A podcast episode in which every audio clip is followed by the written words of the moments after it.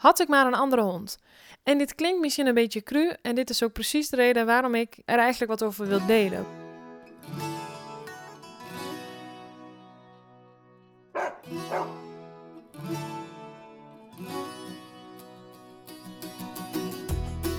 Want het is zo'n onderwerp waar je niet over zou mogen spreken. Het is zo'n dingetje waarvan we zouden kunnen zeggen: eenmaal een hond, dan is het jouw hond. Daar zul je de verantwoordelijkheid voor moeten nemen.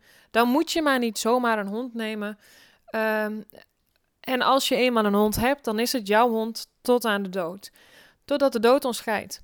En hoewel daar veel voor te zeggen valt, denk ik wel dat het probleem van zowel had ik maar een andere hond als ehm, het probleem van uh, ja, ik denk dat ik mijn hond moet laten herplaatsen, want het kan niet meer. Ik, ik, ik red het niet meer, ik trek het niet meer, noem het op wat de reden kan zijn. Um, dat die problemen eigenlijk ergens anders beginnen. En ik denk dat dat te maken heeft met uh, gewoon de maakbaarheid, de overtuigingen, de algemene belevingen die er zijn bij het hebben, het houden, het krijgen van een hond. Nou goed, daar gaan we het nu niet over hebben in deze podcast. Maar we gaan het dus wel hebben over had ik maar een andere hond. En het zit mij dus vooral in ehm, het gevoel wat dat geeft. Want dat betekent dus dat het ontzettend zwaar voelt, waardoor dan ook dat je een hond hebt. En voor mij kunnen dingen heel erg naast elkaar bestaan en soms trekken we dingen los van elkaar. Want op het moment dat je alleen zegt had ik maar een andere hond, dan zou dat doen vermoeden dat je niet om je hond geeft, dat je niet van hem houdt, dat het niet je beste maatje is. Maar het kan ook alle twee zijn. Het kan zijn dat je zo ontzettend veel van je hond houdt, dat je veel om je hond geeft, maar dat je misschien om wat voor reden dan ook denkt: had ik maar een andere hond? Of had ik maar geen hond? Of als ik dat geweten had, dan. En ik denk dat dat helemaal niet zo heel erg gek is. Stel, je kijkt bij een ander en die hond die kan gewoon wel gezellig die dingen doen waarvoor jij eigenlijk een hond nam. En ja, dan kom je wat mij betreft weer op een ander stuk. Namelijk, het gaat heel vaak over ons in de relatie met een hond. Over dat wij een hond nemen zodat wij gezellig kunnen wandelen. Zodat wij gezellig naar dat losloopgebied kunnen gaan. Zodat wij gezellig met een hond op de bank kunnen zitten. Zodat wij gezellig die knuffels kunnen geven. En niet alleen. En ik denk ook dat het probleem nog steeds overeind blijft staan.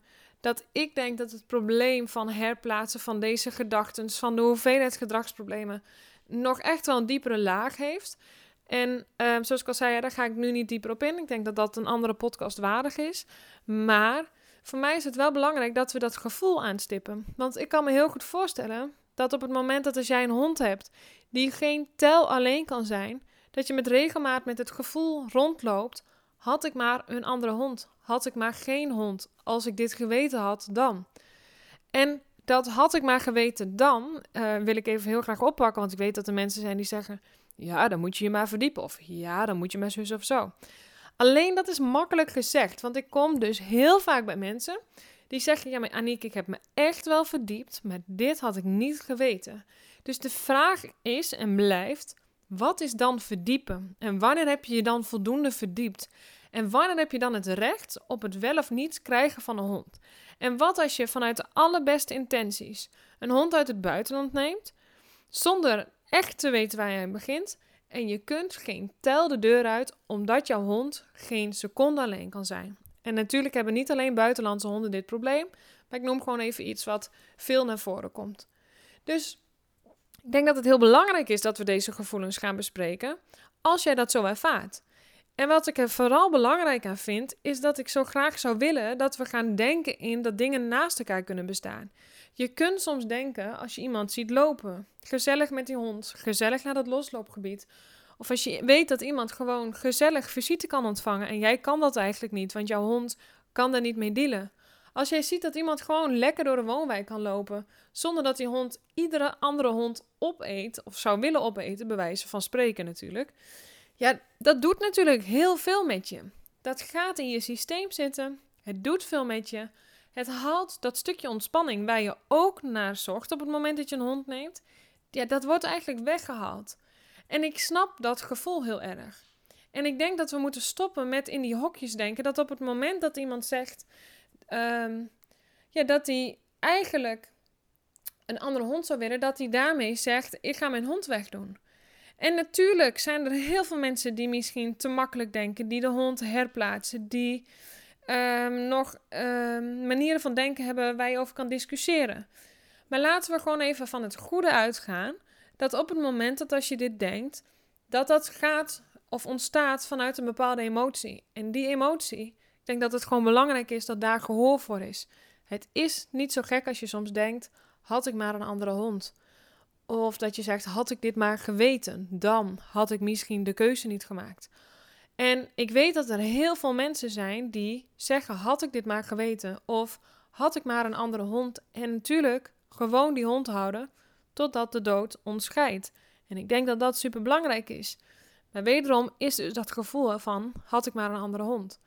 En heel eerlijk, ik moet zeggen dat ik dat gevoel op een bepaalde manier best wel herken. Want toen als ik veel hulpvragen met mijn hond heb ervaren, en een van de hulpvragen was ook verlatingsangst, ik kon geen tel weg. En dat is gelukkig wel heel erg veranderd. En het heeft zich gaan omscholen tot mijn werk. Maar doordat er geen tel van huis kwam, was ik echt ongelukkig. Ik kon nog niet uit eten met mijn man. We konden niet met z'n tweeën weg. Want de hond kon gewoon niet alleen zijn. Dat zou betekenen dat ik altijd iets had moeten regelen. Nou, is dat een bezwaar? Nee, dat kun je doen. Dat hebben we ook gedaan. Maar het ontnam me zo mijn vrijheid. Het zat zo in de weg dat ik geen kant op kon. Maar ook wel andere dingen. Ik vond het soms lastig om in een losloopgebied te lopen. Om daar uh, in contact te komen met andere mensen en andere honden. Omdat er gewoon hulpvragen lagen. En was het dan per zo dat ik dacht van, nou, had ik maar een andere hond? Nou, dat in dit geval niet. Maar ik dacht, heb wel vaak gedacht, had ik dit maar geweten? Uh, of denk gewoon ook vooral dat het gevoel gewoon wel aanwezig was. Dat ik wel eens dacht ja, van ja, wat moet ik hiermee? En in de echte frustratie zei ik wel eens, uiteraard gekscherend, maar zei ik wel eens, weet je, ik zet je op marktplaats omdat ik er zo gek van werd. Nou, en ik zeg even met nadruk, dat zeg ik gekscherend, want ik zou een hond niet op marktplaats zetten. Maar ik wil gehoor geven aan de emotie. Ik wil gehoor geven aan dat dingen naast elkaar kunnen bestaan. En ik wil gehoor geven aan dat een hond herplaatst zou kunnen worden. Ik wil gehoor geven aan dat je dit soms kan denken en je hond gewoon houdt totdat de dood jullie scheidt. Ehm, en ik denk dat er heel veel mensen zijn die echt tot het laatst alles voor die hond doen, maar ook wel eens denken van, poh, weet je, dit is echt wel veel. En ik denk ook dat we in het algemeen wat dus moeten doen aan die onderlaag. En dat is ook iets wat dus ik heel erg als mijn missie zie, want ik denk dat er dat hulpvragen eigenlijk pas het topje van de ijsberg is. Die hulpvragen die zijn er, die hulpvragen zijn een probleem. Die hulpvragen, daar moet een oplossing voor komen. En die hulpvragen hebben zelf al vaak een onderlaag. Maar ik denk dat heel veel hulpvragen ook ontstaan om over of door onze verwachtingen, door ons algemene beeld over een hond, door de overtuigingen die er zijn. Nou ja, en noem het op, over de, ook de maakbaarheid die wij denken dat een hond wel of niet heeft. En de grens die daarbij is. En ik denk gewoon dat um, dat ontzettend belangrijk is. Dus als jij wel eens denkt: had ik maar een andere hond? Hoe kan het nou dat het bij anderen wel zo soepel lijkt te gaan? Of als ik dit geweten had, dan had je er misschien nog wel een paar keer over nagedacht. Of noem het op wat je denkt. Weet dan dat het naast elkaar kan bestaan. Weet dan dat je je daar niet voor hoeft te schamen. Weet dan dat het gewoon kan, dat het een gevoel is. Het betekent helemaal nog niks verder.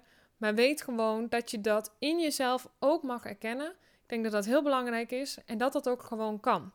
Je hebt een levend wezen in huis. Je bent daar verantwoordelijk voor. En ik denk dat die verantwoordelijkheid vaak ook zwaarder gaat voelen. Omdat je gewoon veel van je hond houdt. Omdat het je maatje is. Omdat je er goed voor wil zorgen. Omdat je misschien ziet dat hij niet lekker in zijn vel zit. Dat doet wat met je.